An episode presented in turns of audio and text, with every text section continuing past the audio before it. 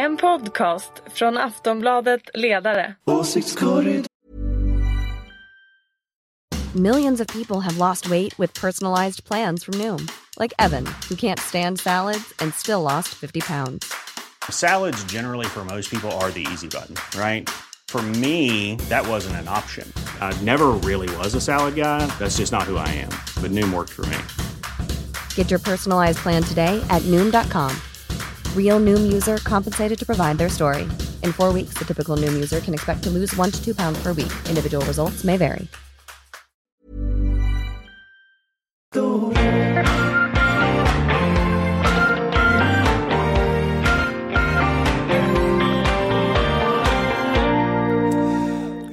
Välkomna till Aftonbladet Ledarsidas podcast eh, som kommer varje fredag spelas in nu på fredag eh, förmiddag. Välkommen Ulrika Schenström, Tack! Ingvar Persson, Tackar så mycket. Anders Lindberg. Eh, tack. Ni två är sossar, du är moderat och Yes. jag är Fredrik Virtanen och vi ska tala om eh, den nya snopploggan för Liberalerna. Vi ska tala om eh, om Miljöpartiet är infiltrerat av islamister. Men först måste vi bara börja lite grann med vad har Peter Hultqvist gjort? Ja, det är det som jag inte vet. Jag, jag har börjat tappa greppet. Jag har börjat bli så här. Jag börjar följa Göran för mycket. Men jag, jag, Alltså, jag, jag, tror kan inte. Göran Persson och jag, jag kan liksom inte jag, jag kan inte liksom släppa. Nej. Jag, Men det, jag det har du han- väl egentligen aldrig kunnat? Nej jag vet. Nej, det är men- ett problem. Men nu när han nu dykt upp igen så har du, din, din, dina Ja, eldar har han, ja tänts. nu, har, nu har han ju varit ute och, och eh, backat upp Kristoffer Tamsons trafiklandstingsråd för Moderaterna i, eh, i Stockholm. Jag kan dock rapportera några saker om Mm. Peter Hultqvist. Men vi kanske ska ta Tamson först. Om det här... Nej ja, vi behöver inte ta det utan jag är ja, mer intresserad av att Varför höra vad du, vad du har berättat om Hulta undrar varför Bulta. backar han en moderat nu då? Nej men det är för att han eh, ju alltid har hållit med om de här frågorna kring förbjudande av tiggeri och så vidare. Ja, och nu har ju då trafiklandstingsrådet varit ute och sagt att man eh, han inte vill ha eh, tiggeri i tunnelbanan. Han får stå, eh, svara själv för eh, orsakerna men Hulta Bulta, vad har han gjort då? Ja, två saker kan jag rapportera i alla fall. Eh, I lördags sågs han dela ut flygblad under Säpos överinseende utanför ICA i, i Leksand. Ja. Så att olika masar som rörde sig där kunde då träffa på Peter Hultqvist. Men, och men vad står det på flygblad. flygbladen undrar Det jag? vet jag Aj inte då. riktigt. Alltså, Hulta Bulta på plats. kan vara något Fred sånt. på jorden? eller? Nej, knappast. Nej, Eh, men säkert eh, för Sverige i tiden, någonting sånt. Man vet inte. Eh, sen, sen kunde jag ju bara idag på morgonen konstatera att eh, Peter Hultqvist också tagit ställning i den amerikanska presidentvalskampanjen. Låt mig gissa att han gör det för Hillary Clinton. Han har nog inte tagit ställning för, han är ju trots allt eh, Han försvarsminister. Men han är emot. Han tror inte att eh, Trump är mannen för jobbet. Tänk om man får jobbet och hur, hur blir relationerna mellan Sverige och USA då? De blir dåliga och det är väl det som Peter Hultqvist misstänker. Ja, ja, Med tanke ja, på men- att Carl Bildt sa att vi ska fly till bunkrarna och gömma oss om, om Trump blir president så tror jag inte Hultqvist är helt ensam om den Nej, det känns inte Men alls Carl Bildt är konstigt. inte längre en talesman för det officiella Sverige. Nähä, Nej. vi kanske ska berätta det för honom. Ja, det, kanske Det var ju någon som twittrade det. det är så här. Du kan väl försöka, du är fortfarande inte utrikesminister även om du fortfarande åker runt i dina flygplan. Mm. Men inte samma flygplan. va? Nej, när han åker runt. Någon meddelade detta till Carl Bildt och då lämnar vi Peter Hultqvist för den här veckan, eller Hulta Bulta som Ulrika Schenström eh, kallar honom. Vi, vi börjar med fotboll faktiskt ändå, tycker jag. Eh, För i tisdags fick en match mellan Norrköping och Hammarby avbrytas på grund av eh, Hammarby-hängare hängare försökte ta sig in på planen, det var bråk i allmänhet. Så var det Malmö och Göteborg och då kom ett knallskott in mot en spelare och det spårade ur, matchen fick avbrytas. Och eh, mycket tal om det här vad man ska göra, vad det beror på och så vidare.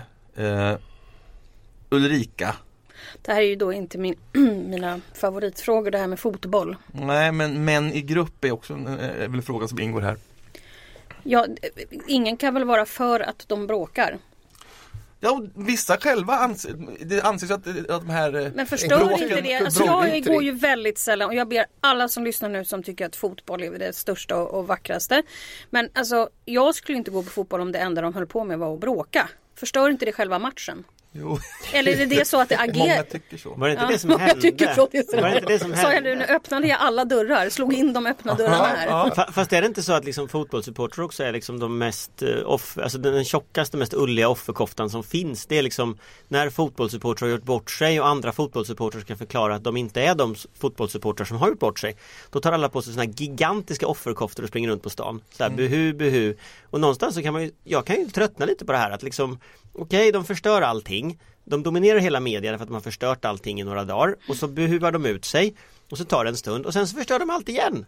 Och då kan man ju tänka att någon kanske borde göra något åt det här. Till exempel klubbarna, tänker jag. Ja, de säger väl att, de, att det är ett ständigt pågående arbete men det är väldigt komplicerat. Jo men och så säger de att man ska inte dra alla över en kam. Men det, jag förstår inte varför man inte ska dra alla över en kam. Alltså det kan man väl göra. Och så kan man väl säga till klubbarna fixa detta. Eller, eller så kan de ta de här människorna som kastar knallskott och så kan de väl driva civilrättsliga processer mot dem och, och, och låta dem Borde inte betala hela liksom kostnaden bara för helt det det. där är enkelt klubbarna ta ett ansvar för att liksom tillsammans eh, bara bestämma sig för någonting? De säger väl att de gör det. Ygeman har Det ju gett sig in i det här nu. Det vet Nej, det vi verkar inte funka. Det verkar inte funka som vi alls. alltid vill tala om Ygeman.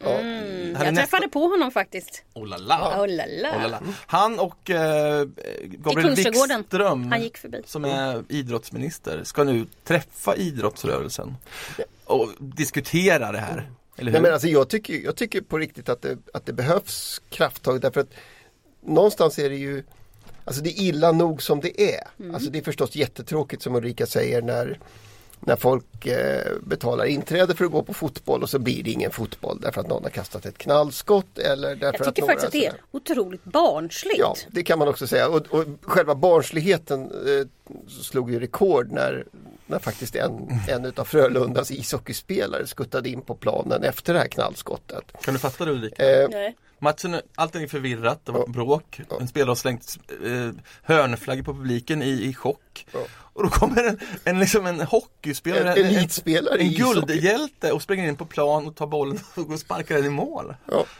Vilka sagt, bebisar. ja, men bortsett från, från eh, liksom det här jag bebis, be, bebis, nej det är säkert. Men, men bortsett från bebisperspektivet så, så förr eller senare inträffar ju en riktig olycka naturligtvis. Därför att eh, tusentals människor hopträngda på läktare och så här upphetsad stämning och dålig ordning. Eh, så, så säger ju erfarenheten att förr eller senare blir människor dödade i, den där, eh, i de där situationerna. Och det vore väl hemskt skönt om man liksom kunde ta itu med det här innan det inträffar. Man kan, att, att man kan skaffa sig så många problem Men nu För ska ju fotboll- för Ygeman att för en fotbollsmatch. Fast jag tror att. Ygeman, grejen är att Ygeman är ju partisk för han är ju själv fotbollssupporter. Jaha, du tror han Så, är där. att, så jag han, tror han, att, på tal om dem. infiltration, så tror jag faktiskt att jag tror det är ganska många fotbollssupportrar i regeringen. Så jag tror den politiska Ygeman, viljan den är nog begränsad. Men är det här Och jag tror inte det spelar någon roll om du byter regering heller om jag ska vara ärlig.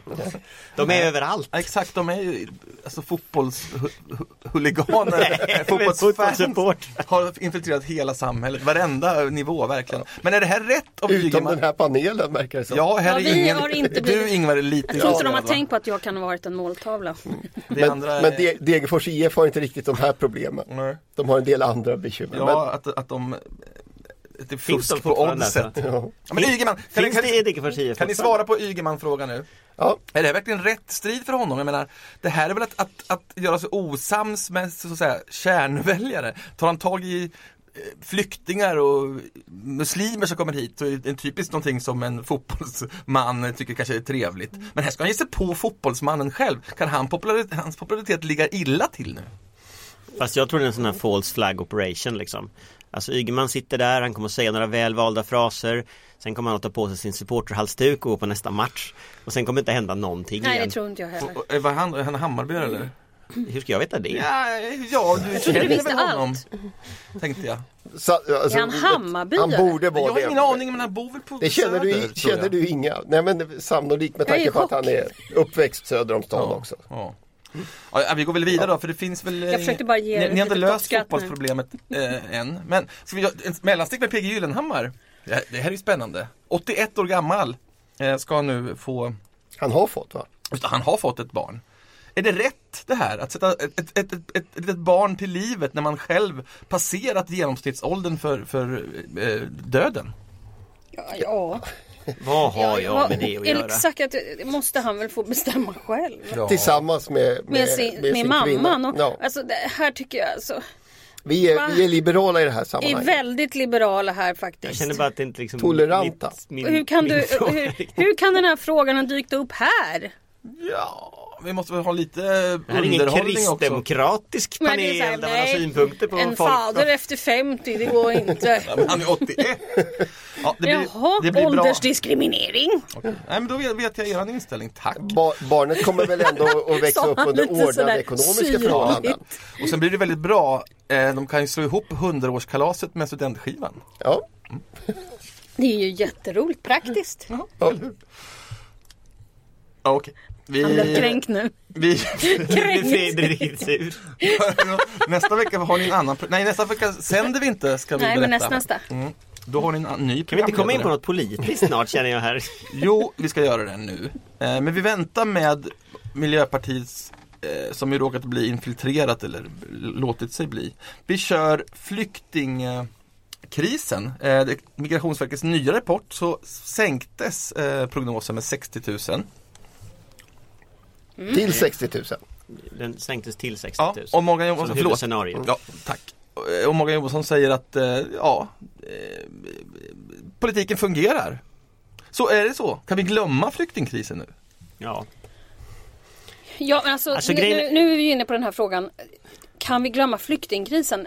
Det kommer ju komma som ett bakslag om några år om man inte nu gör några reformer på integrationssidan såsom arbete, ni vet att få folk i arbete, skola, utbildning, bostäder. Hur många gånger har vi pratat om bostäder i den här podden?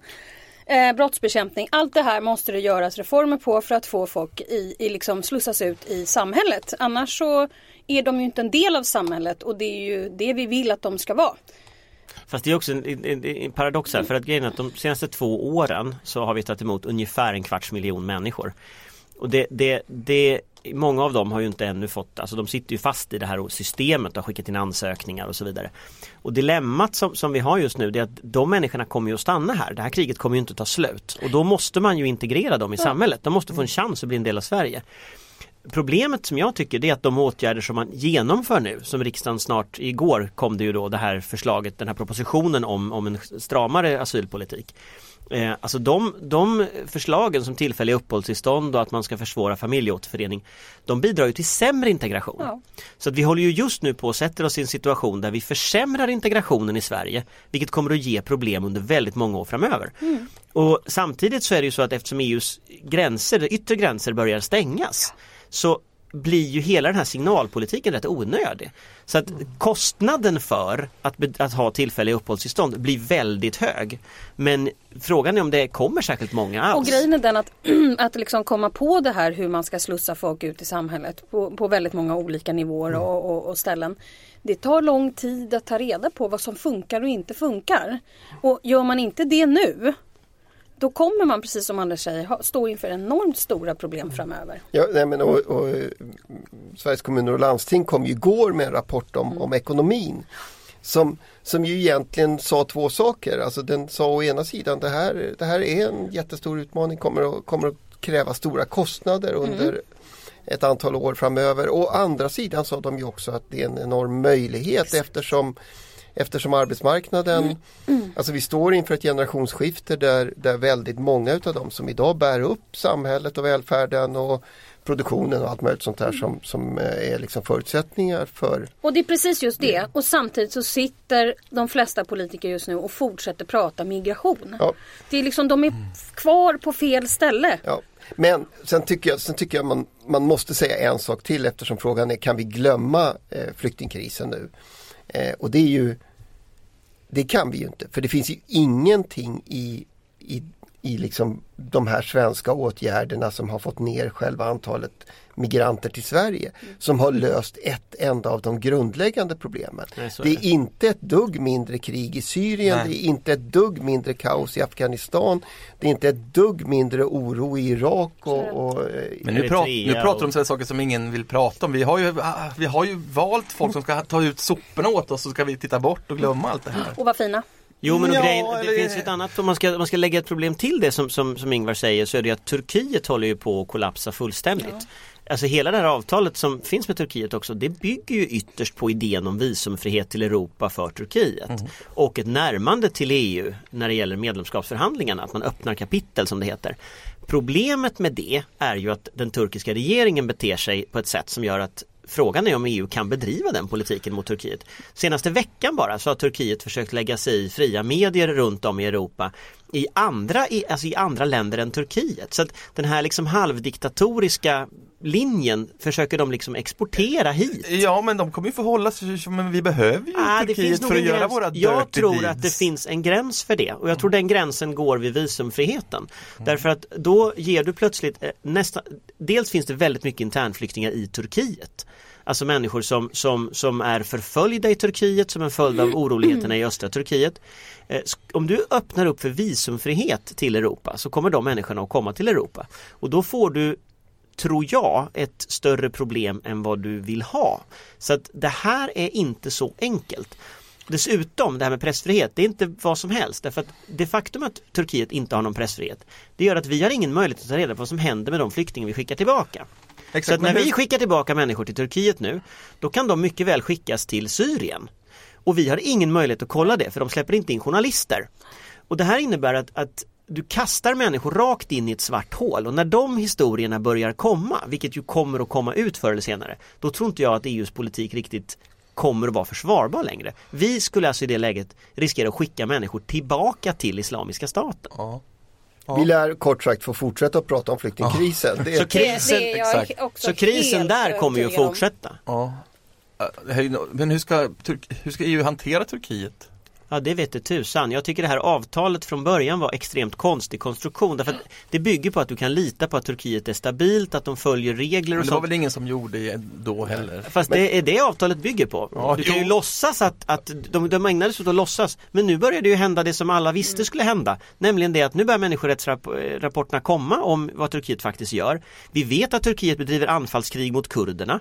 Vi vet alla de här Ja, sakerna. men, Men- de, men de är sen- EUs bästa kompis ja. Nej det är de inte. Men sen Anders, det, alltså det, är ju, det, är ju, det avslöjar ju också någonting om Europa. Eh, debatten om Turkiet som, som är lite obehaglig därför att det, det håller ju på att uppstå en, till exempel i Europaparlamentet som ju ska ta frågan om, om, om just visumfriheten. De, de har liksom en röst i den saken. Så uppstår det ju också en, en rätt obehaglig allians mellan å ena sidan progressiva krafter som säger vi kan inte öppna dörrarna till ett land som inte respekterar mänskliga rättigheter, pressfrihet och demokratiska grundvärderingar och sådana saker. Alla möjliga vällovliga och viktiga för Turkiet synpunkter. Och en annan strömning i Europa som säger vi kan inte öppna dörrarna till Turkiet därför att de är muslimer. Eh, de är, står vid Wiens portar, de tänker eh, överfalla oss och, och, och sådär. Alltså högerextremistiska, eller mer eller mindre extrema högergrupper. Och, och den där alliansen eh, som ju uppstår då i, i relationen till Turkiet. Den, den borde ju skapa politiska mardrömmar eh, hos Den dem. som- kommer ju att skapa politiska mardrömmar. Det är bara en tidsfråga innan, innan vi sitter i läget att, att eh, nå, något land utlyser folkomröstning om delar av den här frågan. Det finns massa sådana länder som kan göra det. Så att jag menar, det här är en politisk Det här är politisk mardröm för Europa. Det oroar mig när ni säger att det kommer att bli en mardröm. Jag, tyckte, jag trodde att vi redan levde i mardrömmen. Oj, You, oj, you oj. haven't seen nothing yet. Ja, när vi ändå är inne på islamister. Ska vi då tala om Miljöpartiet? De är ju, har varit på tapeten eh, länge. Herregud. Eh, och de kommer nog vara i tapeten en stund till för deras Heter det kongress för dem? Mm. Ja, det är Deras kongress. kongress börjar lägligt den, två den, veckor, fredagen va? den 13 börjar kongressen. Och vet ni, de har lagt språkrörsvalen fredagen den 13. Oj, det är väl kanske bättre att ta det på en gång för det är ingen annan som kommer att göra någonting. Men först den viktigaste Annat. frågan innan vi men, ja. går in i om det blir partiledarbyte eller språkrörsbyte.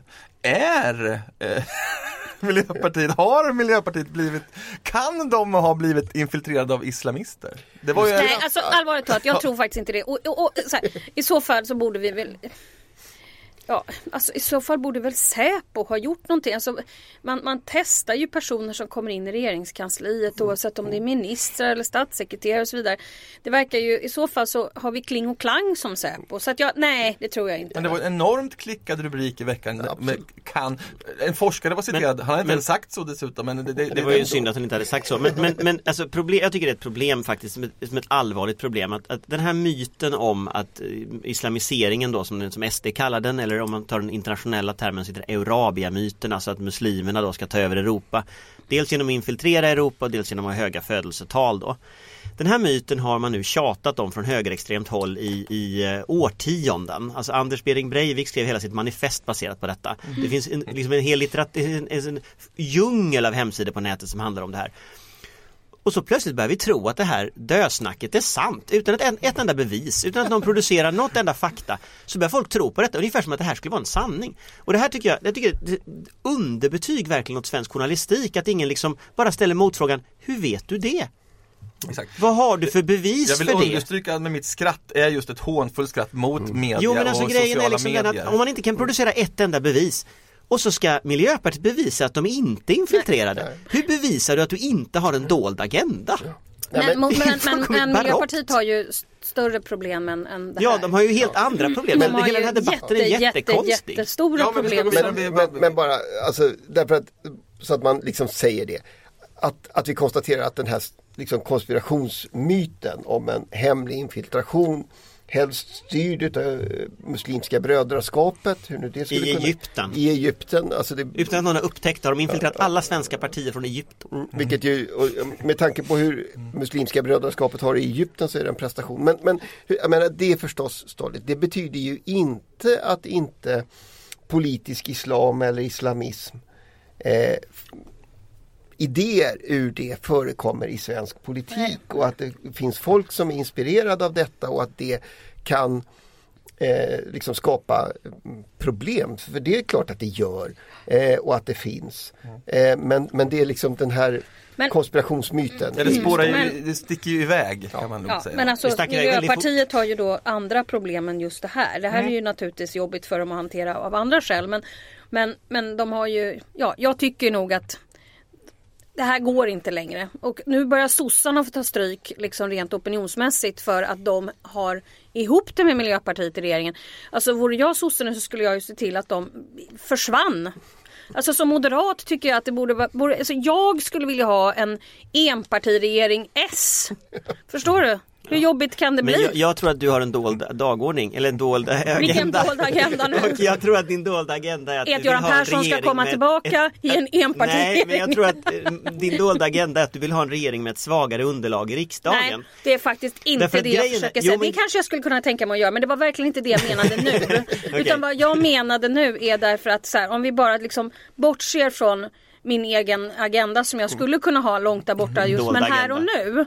Men den är väl inte dold. Nej, inte Herregud, särskilt. det är inte särskilt. Eh, men men det, det börjar bli outhärdligt att se det här. Jag håller med om att det är outhärdligt men, men problemet är att jag tror inte att lösningen är att skapa en svagare regering parlamentariskt än den vi redan har. Den är Nej, tillräckligt men jag tycker svag att det här är så outhärdligt så att jag, jag klarar inte av att de är där. Nej, det, det, det, det, det, det Okej, är men nu, en nu, ganska nu, är rimlig ni, nu är ståndpunkt. ni långt in i framtiden här. Att de skulle slänga ut hela Miljöpartiet, det tror vi inte kommer hända. Vi börjar med att kommer Åsa Romson få avgå? Kommer hon skickas bort? Och kommer kanske till och med Fridolin eh, Alltså avgå? jag tror ju att ska man vara ett feministiskt parti så kommer de få ett problem om det bara är Romson som får lov att gå. Absolut. Eh, det måste bli båda två. Nu ser, tittar jag här eh, samtidigt som jag pratar i, i, i Aftonbladet idag sidan 9 och där eh, vill man ha Isabella Lövin och Per Bolund något distrikt. Och ja, ja, ja, så här, ja, för mig Per Bolund är ju jättebra och Isabella Lövin också.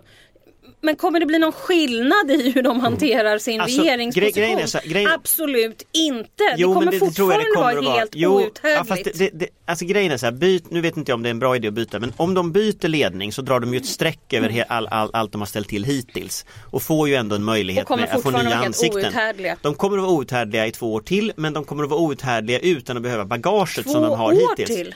Ja, det var men det kan inte, han kan inte vara där. Men, men däremot så finns det ett annat problem tycker jag med det här. Det är så finns ett an- annat, jag tycker det är ett annat problem med den här grejen. jag det säger det en gång till snart. Ja, men det är ett helt, an- helt annat problem och det är inte om Isabella Lövin och Per Bolund blir, blir. För om de blir då kommer inte det att påverka regeringen särskilt mycket. Nej. Problemet blir Ja, det vet om man ju inte om de Miljöpartiet kanske blir andra ministrar och Äh, sånt där. Det ja det kanske inte. de blir men det är ändå, det är ändå min, min, min, litet problem. Däremot om du skulle till exempel välja Carl Schlüter som språkrör då tror jag det är liksom en tidsfråga innan den där regeringen kommer och då kanske sossarna avgår ur regeringen i protest jag på säga. Men alltså det, det, det, finns ett antal miljöpartister Vad vi än säger här nu och vem vi tycker bäst om av de här miljöpartisterna. Nej, det, har inte det med går inte har längre. med att Det tycker ingen om. i Det har inte Sverige med att tycka heller. bäst om. Det har att göra med själva grundgrejen. Om du har ett antal lagspelare i regeringen så går det att samverka. Men Miljöpartiet har rätt många politiker som inte är lagspelare. Mm. Men, men, men Anders sluta nu, det, det, det här går inte längre. Det, det är bara att titta på siffrorna. Hur långt ner ska sossarna gå för att de har de här inne? Det är ett, jätte, alltså det är ett Det, det är ju jättestort... helt... Det, det, Ja, det är, alltså, jag, lite håller jag med det, Ulrika. är inte du och Ingvar, ut. det är du och Ingvar som allierar sig Ja, det var äntligen. nej men jag, eh, faktiskt, ja, men jag, lite håller jag med Ulrika. Det, det finns ju ett jätteproblem i den här konstruktionen som ju eh, Mona Sahlin ursprungligen hittat på. Liksom. Och den, den, det är ju att väljarna, Miljöpartiets väljare tycker inte särskilt bra om socialdemokrater. Tvärtom, de har blivit miljöpartister just därför att de ogillar den socialdemokratiska ryggmärgsreflexen och asfaltera varje jämn yta. eh, och och, och socialde, socialdemokrater tycker inte om miljöpartister. Jo, Därför att de har, blivit, de har blivit uppläxade utav, utav liksom en mellanstadielärare som, som inte tycker att de har skött komposten eh, tillräckligt bra. Eh, det där är liksom djupa sociala... eh, Ja men det är klart och- att det är. Det är det jag säger. Det spelar ingen roll vem de byter ut det till. Det kommer ju vara outhärdligt framöver i alla fall. Ja men nu sitter ni ju bara och problembeskriver. Ja. De, de kan ju inte slänga ut, vad ska, ska de regera ensamma? ja, ja, ja, alltså, ja, det tycker jag. Jaha.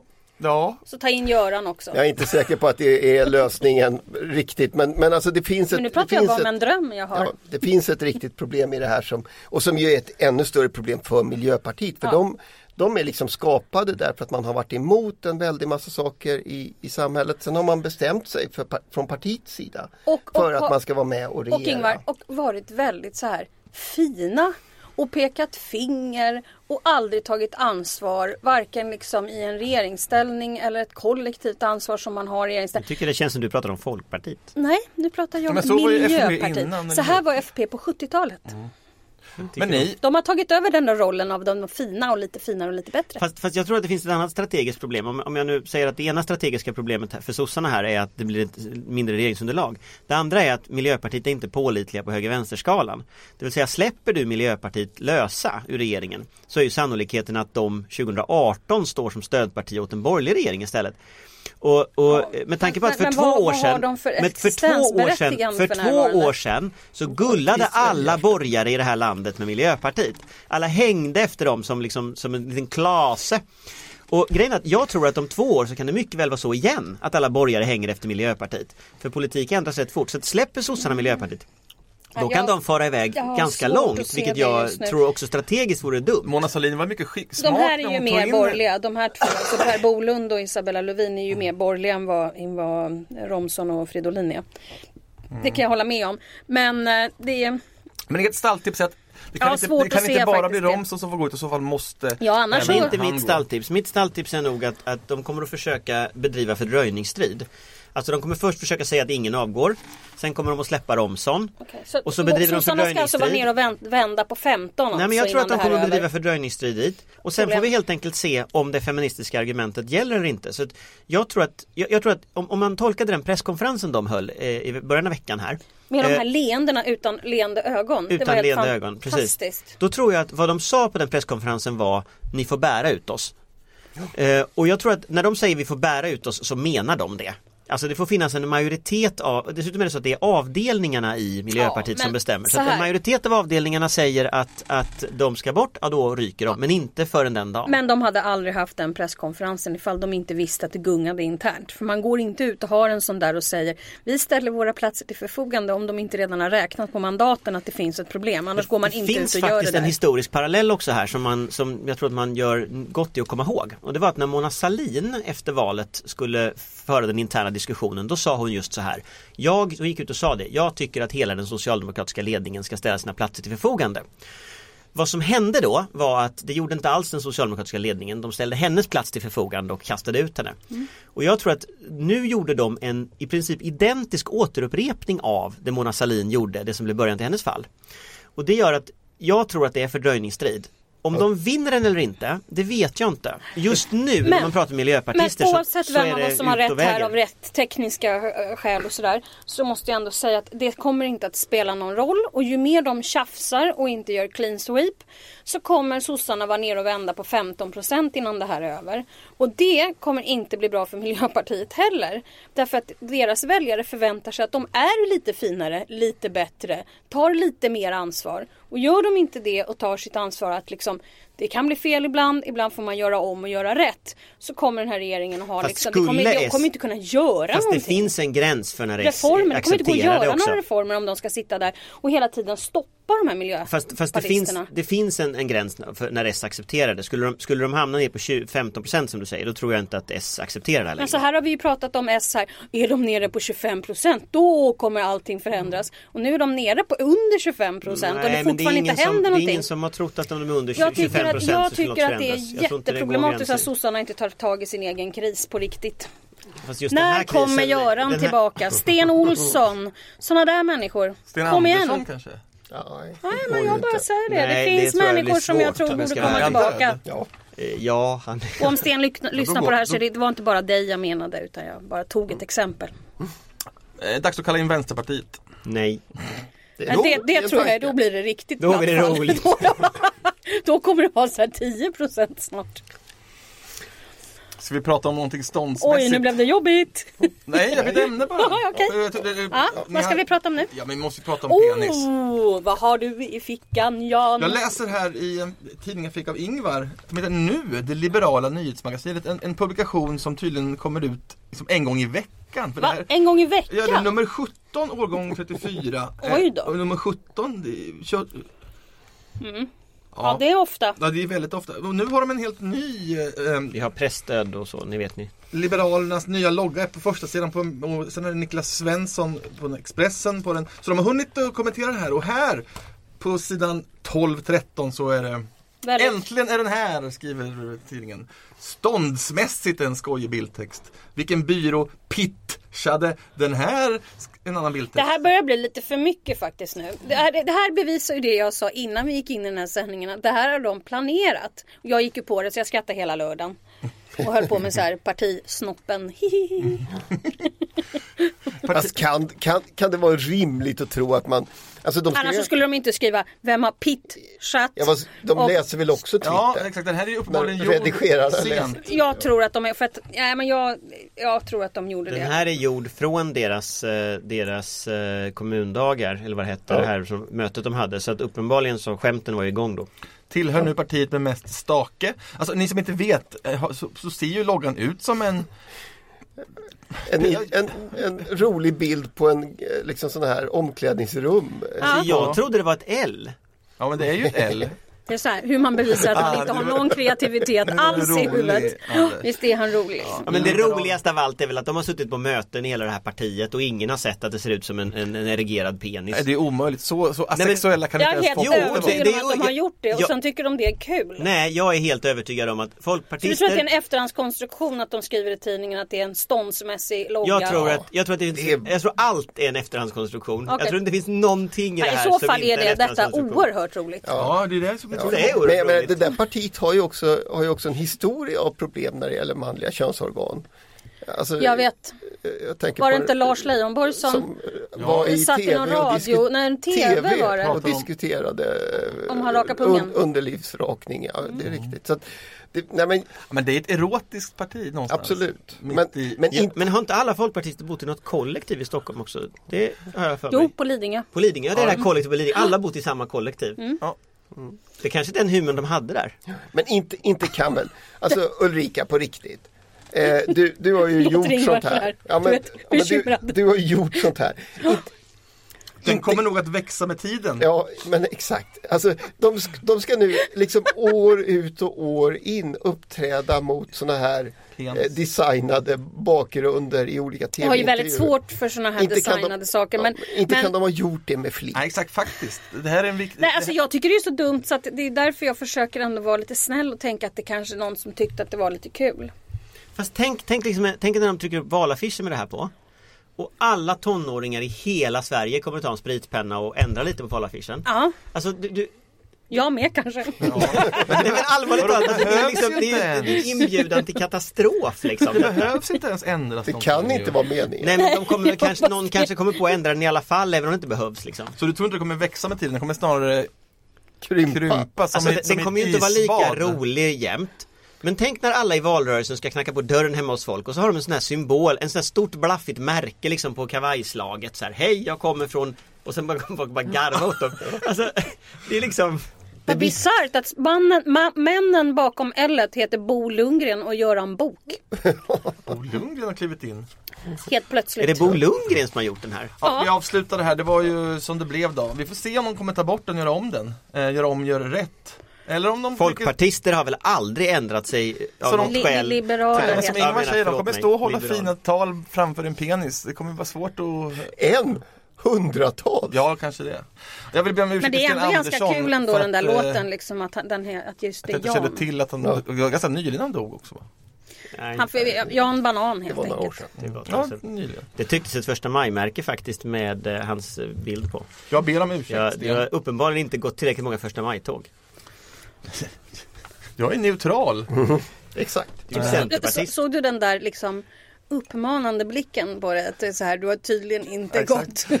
Ja, jag- Vad gör du på söndag? Jag går ju andra tåg än Anders om man säger så. Tut, tut. Från Söder jag bor går ju vänsterns tåg. Vänsterpartiet, Anders. Bor du på Söder? Det vet ju alla. Oh no, det har vi kommit på nu! Ja, jag har infiltrerat Söder med min Surprise, surprise! agenda på Söder. Tack Anders Lindberg, tack Ingvar Persson och ett särskilt tack till Ulrika Schenström som har tagit sig hit till Aftonbladet-huset denna fredag. Tack så Jag mycket. heter Så mycket. Fredrik Virtanen. Tackar. Trevlig helg! Trevlig helg. Trevlig helg!